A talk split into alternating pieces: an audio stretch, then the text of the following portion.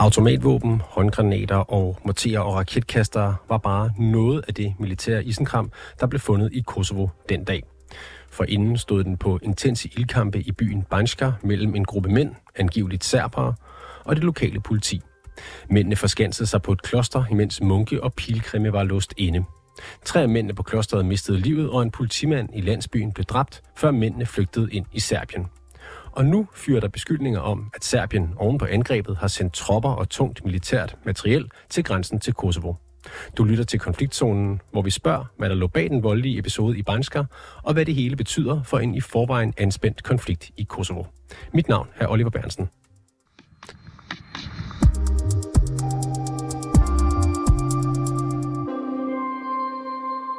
Du lytter altså stadig til konfliktzonen, hvor vi i dag skal blive klogere på, eller forsøge at blive klogere på øh, konflikten i Kosovo, som øh, har taget et nyk opad med et angreb på det lokale politi, øh, en gruppe svært bevæbnede mænd, omkring 30 styks. De angreb det lokale politi i, i øh, Kosovo øh, og øh, forskansede sig derefter på et kloster. Vi har forsøgt at få... Øh, at få Jørgen Samsø med øh, fra Beograd, som er journalist dernede, men øh, det, er altså ikke lykkes, fordi forbindelsen er så dårlig. Øh, så derfor så øh, jeg starte et andet sted, og så sige øh, velkommen til dig, øh, Slatko Jovanovic. Godmorgen. Du er Balkan-ekspert hos Tænketanken Demokrati i Europa, Oplysningsforbundet. Velkommen til programmet. Tak skal du have. Øh, vi er jo nu i den situation, at, øh, at der er sådan en, en gruppe svært bevæbnede mænd i, i pansrede køretøjer, som har lagt et baghold for politiet i Kosovo, og så har forskanset sig på et kloster og flygtet til Serbien efterfølgende. Øhm, hvis vi lige spoler lidt tilbage, eller faktisk en del tilbage, kan du så prøve at gøre os lidt klogere på, hvordan havnede vi i, i den her situation? Altså det, for det første, vi skal lige finde ud af, hvor langt vi skal tilbage. Men jeg vil foreslå, at vi starter med at gå tilbage til den såkaldte nummerpladekonflikten. Det er en konflikt for cirka et års tid siden, hvor, øh, hvor Kosovos regering, det vil sige Pristina, forsøgte at etablere kontrol over hele sit territorium. Altså øh, en, en stat vil gerne administrere og kontrollere hele sit, øh, hele sit territorium, og derfor var altså konflikt øh, om nummerpladerne, var ikke om nummerpladerne, men faktisk om hvem der kontrollerer territoriet territorium. Og uh, hvad, hvad gik den helt konkret ud på, den her nummerpladekonflikt? Altså, det gik så ud på, at uh, i nordlige dele af Kosovo uh, er der en serbisk befolkningsflertal, og mange af dem kører på gamle så at sige gamle, altså serbiske nummerplader. Og, og det vil regeringen i Kosovo ikke acceptere, at alle skal køre på Kosovos øh, nummerplader, altså når de kører i deres biler. Øh, og, og det har i flere år blevet udsat løsning på det her problem, og nu var det så sidste år, at øh, regeringen i Kosovo sagde, nu skal de ske, og dem, der ikke skifter til øh, uh, Kosovos nummerplader, øh, får en bøde og måske endda efter flere bøder kan ende i fængsel. Og de nægtede så politilederen i nordlige dele af Kosovo, som selv er etnisk serber, altså Kosovo-serber, øh, at acceptere, og han blandt andet udtalte officielt, altså offentligt, at han ikke vil udskrive det her bøder, hvis de stod til ham. Øh, det førte så til en fyring af vedkommende, og så kommer det hele. Altså i protest mod det øh, siger samtlige serbiske politifolk, altså Kosovo-serbiske politifolk, de siger op og de fører så yderligere til, at øh, efterfølgende alle øh, dommer i Kosovo er serbiske øh, etniske øh, tilhørsforhold, og så alle, dem, de, alle de administrative ansatte i det juridiske system i Kosovo også siger op. Det betyder så, at alle serber, der er ansat i staten, især i den nordlige Kosovo, er der rigtig mange, der er, hvor der er serbisk befolkningsflertal, altså har nu sagt op, og de støtter Beograd, altså regeringen i Beograd, mener de den rigtige løsning, fordi befolkningen i Kosovo er undertrykt. Uh, og det fører så altså til, uh, til yderligere til den situation, at uh, Kosovo risikerer for at blive fuldstændig paralyseret fordi der ikke er noget politi, der er ikke nogen dommer, og samtidig også siger alle borgmester i den nordlige Kosovo, der taler vi om fire kommuner, de siger også op uh, altså, og, og træder tilbage fra deres positioner.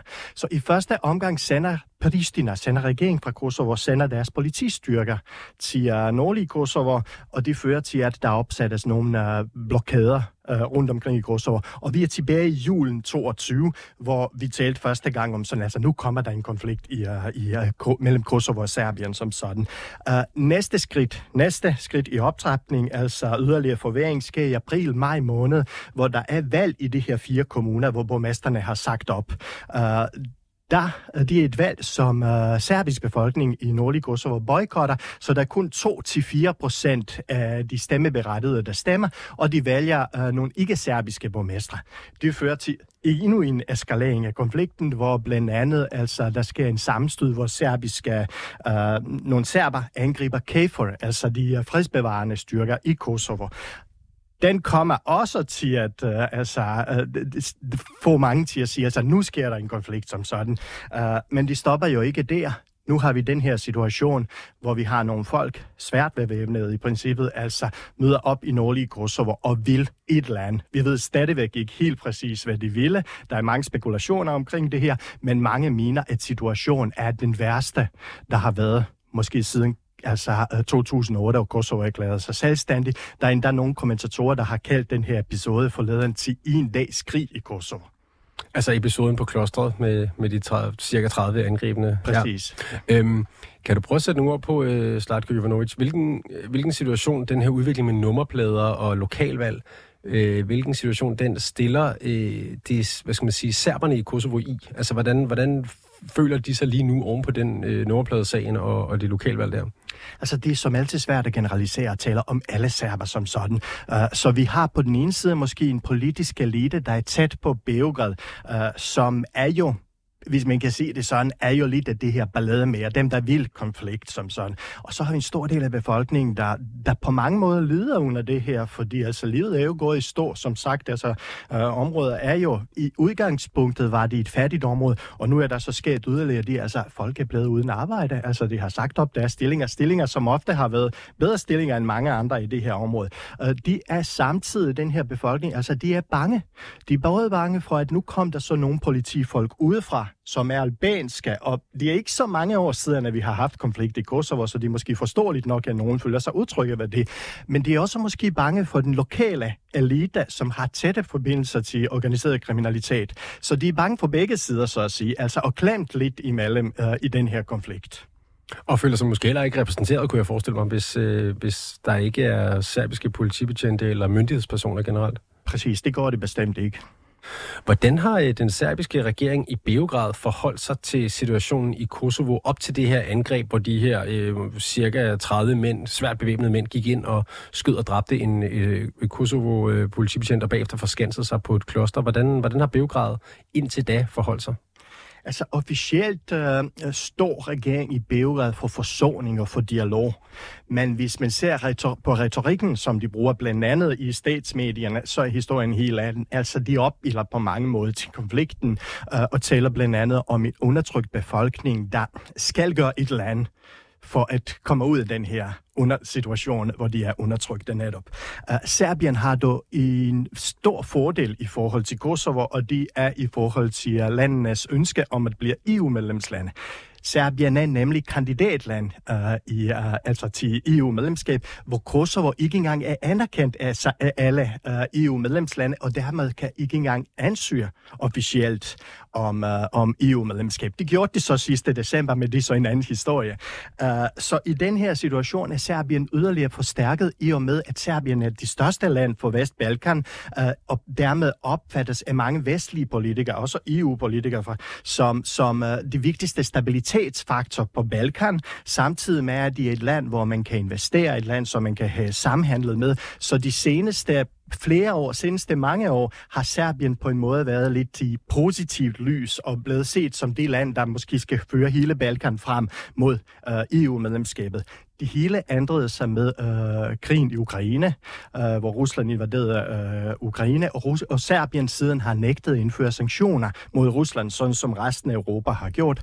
Øh, og i den forbindelse er Serbien kommet i negativt lys. Øh, så i den her situation har Serbien så at sige, altså regeringen, mistet den her fyring over for Kosovo uh, og kommet mere negativt lys, og derfor måske også har haft lidt uh, interesse i at, uh, i at skabe en konfliktsituation, uh, uh, hvor de kan uh, kigge på noget andet, end at de egentlig nu er gået i stå i forhold til EU-medlemskab på grund af sanktionerne, uh, eller ikke, ikke vil indføre sanktionerne mod Rusland. Du siger, at de har pustet til ilden fra serbisk side, i, i hvert fald i statsmedierne. Øh, hvad med øh, Kosovos regering i Pristina? Har, de været, har den været mere diplomatisk? Mm, tværtimod, altså, det er jo meget interessant også her. Altså, Kosovos regering, og der er tale om en relativt ny regering, altså en regering, der kom til magten på et parti, på et program, som, uh, som skulle gerne altså bekæmpe korruption organiseret kriminalitet i landet, som er de store problemer i forhold til blandt andet EU-medlemskabet. Og i den forbindelse har regeringen af Albin Kurti faktisk gennemført en række reformer, som har forbedret situationen i forhold til uh, retsstaten, uh, korruption, uh, minoritetsrettigheder og organiseret kriminalitet.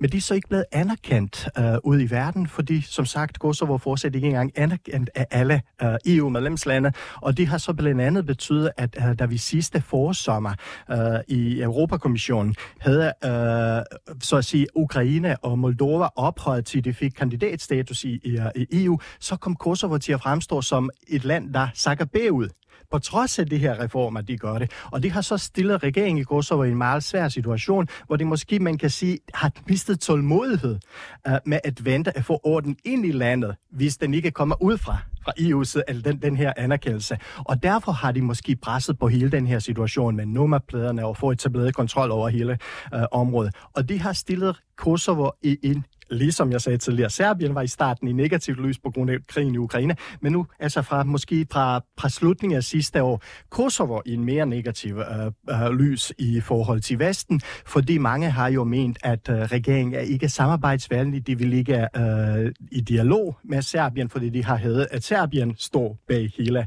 øh, udviklingen som sådan, og dermed har øh, Kosovo mistet, mistet den sympati, som de faktisk har haft siden krigen i 90'erne, hvor de var ofre på krigen, og fra mange, fra mange blev set som, som den positive kraft, i, eller positive side, hvis bedre sagt, altså i den her konflikt.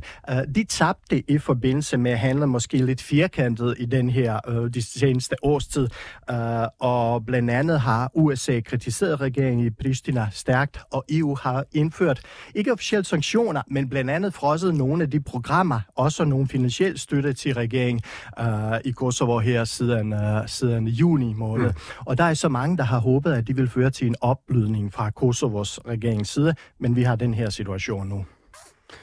Øhm, der bliver også talt om, at den her konflikt har forbindelser til Rusland, og, og måske også det her angreb, som fandt sted her for nylig, hvor, øh, hvor de her svært bevæbnede mænd jo øh, angreb en politipatrulje i Kosovo, og så flygtede ind over grænsen til Serbien. Kosovo siger jo, det er serber øh, og Serbien, der står bag, og der er forbindelser helt til regeringen i Beograd, og det nægter de jo øh, øh, fuldstændig. Øh, hvordan, hvordan er de her russiske forbindelser kommet ind i, i det her angreb? Altså, vi skal igen kigge mindst tilbage til øh, krigen i Ukraine, altså starten på krigen i Ukraine, hvor det ikke er gået efter, hvad Putin har håbet.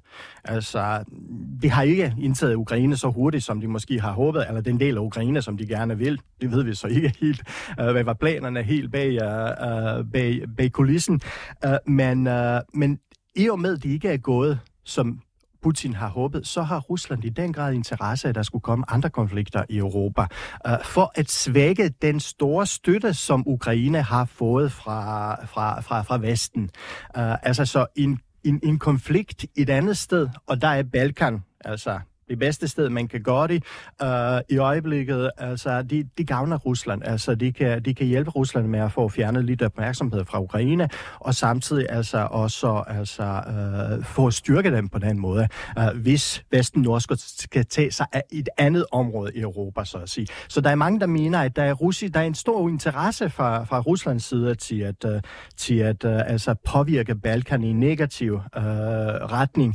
Uh, men der er ikke sådan deciderede beviser på, at vi kan sige, at altså, det er Rusland som sådan. I hvert fald ikke endnu. Slatko Jovanovic, Balkan-ekspert hos Tænketanken Demokrati i Europa Oplysningsforbundet. Mange tak, fordi du var med i dag. Selv tak.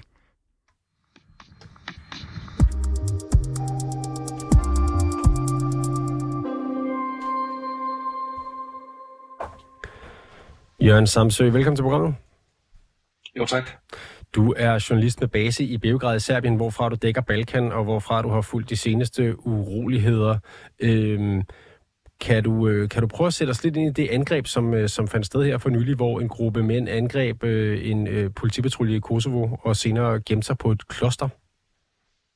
Ja, altså det vi ved, det er jo, at det her 30, må man sige, svært bevæbnede Kosovos serbiske mænd, de så øh, stormede ind i den her landsby, Bansker øh, tidligere om morgenen kl. 3 om morgenen, og så øh, blokerede indfaldsvejene til, til byen, eller landsbyen, og så øh, var der en lokal politipatrulje, der ligesom kom, på, kom til stedet, og så var der nogle skyderier øh, mellem de to, øh, mellem den, øh, man, politiet og mellem de her 30 mænd, og så var der en kosovo-albansk politimand, der omkom i det her samme sted, og så søgte de så tilflugt i det her lokale kloster, og så var der en stor, øh, hvad skal man sige, militær politistyrke, der ankom fra, øh, fra Kosovo, og så var der så en voldsom ildkamp, og så øhm, de her, altså hvor, altså hvor tre serbiske, hvad skal man kalde, paramilitære oprørere, hvis man kan sige det i godsøjne, øh, omkom, og så senere flygtede resten af, af gruppen øh, med nogle sårede også gennem et skovområde, og så søgte tilflugt i, øh, i, i Serbien, ind i Serbien, så flygter tilbage over grænsen, eller den administrative linje tilbage ind i,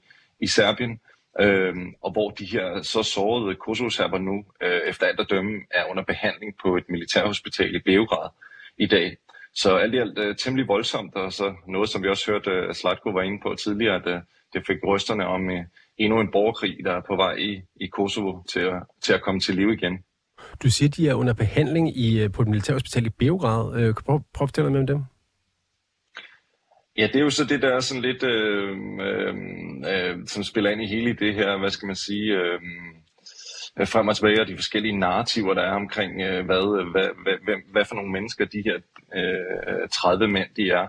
Øh, så man kan sige, de, de er jo sådan set i Serbiens øh, optik, der er de jo øh, nogle helte, øh, der har sat sig op mod, øh, mod styret i, i Kosovo, som, som har undertrykt de her, den her befolkningsgruppe af Kosovo-serber, der er i det, i det nordlige Kosovo som vi også øh, hørte tidligere om øh, hele det her med nummerpladeaffæren og, og lokalvalgene og, og de her sammenstød, der var med NATO, NATO-soldater, øh, også i, i forlængelse af det her omstridte lokalvalg.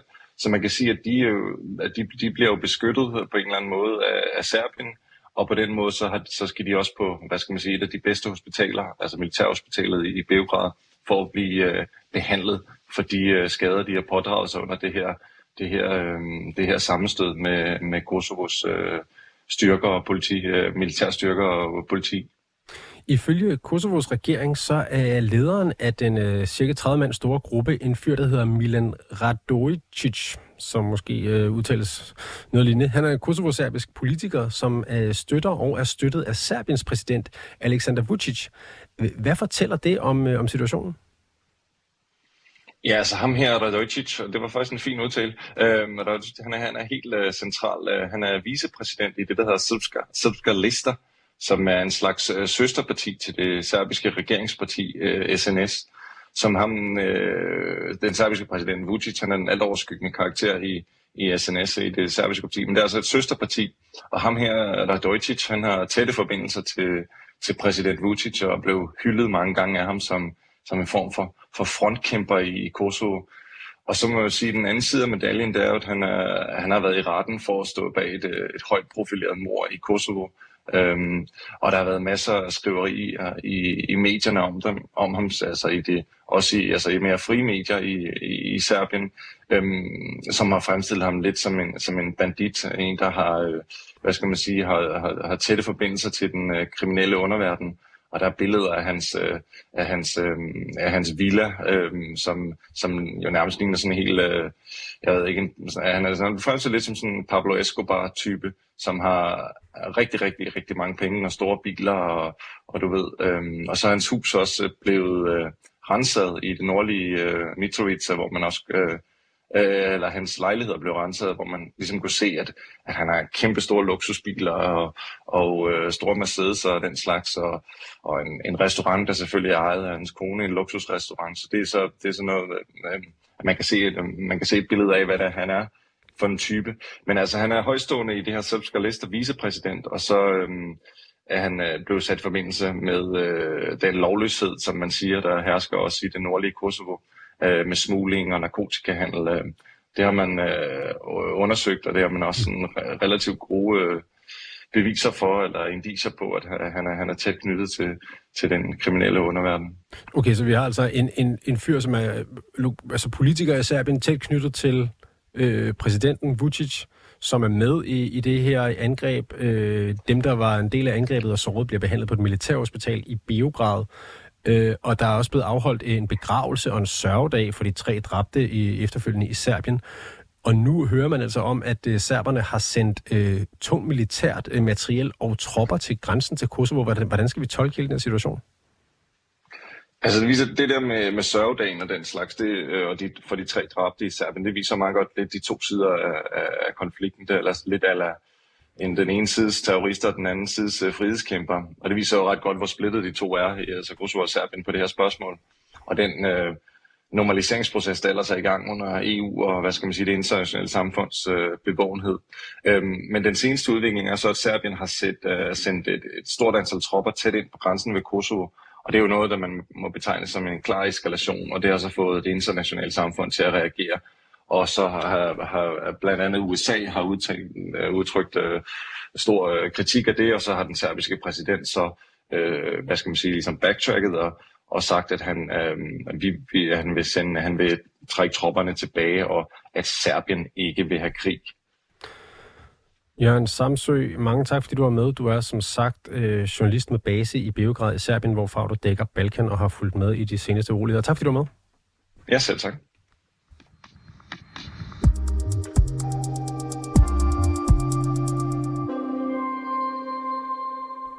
Du har lyttet til dagens afsnit af Konfliktzonen 24-7's udenrigsmagasin.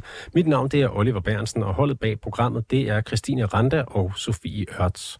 Du kan lytte til programmet direkte mandag til torsdag fra 8 til 8.30, men du kan også finde programmet som podcast.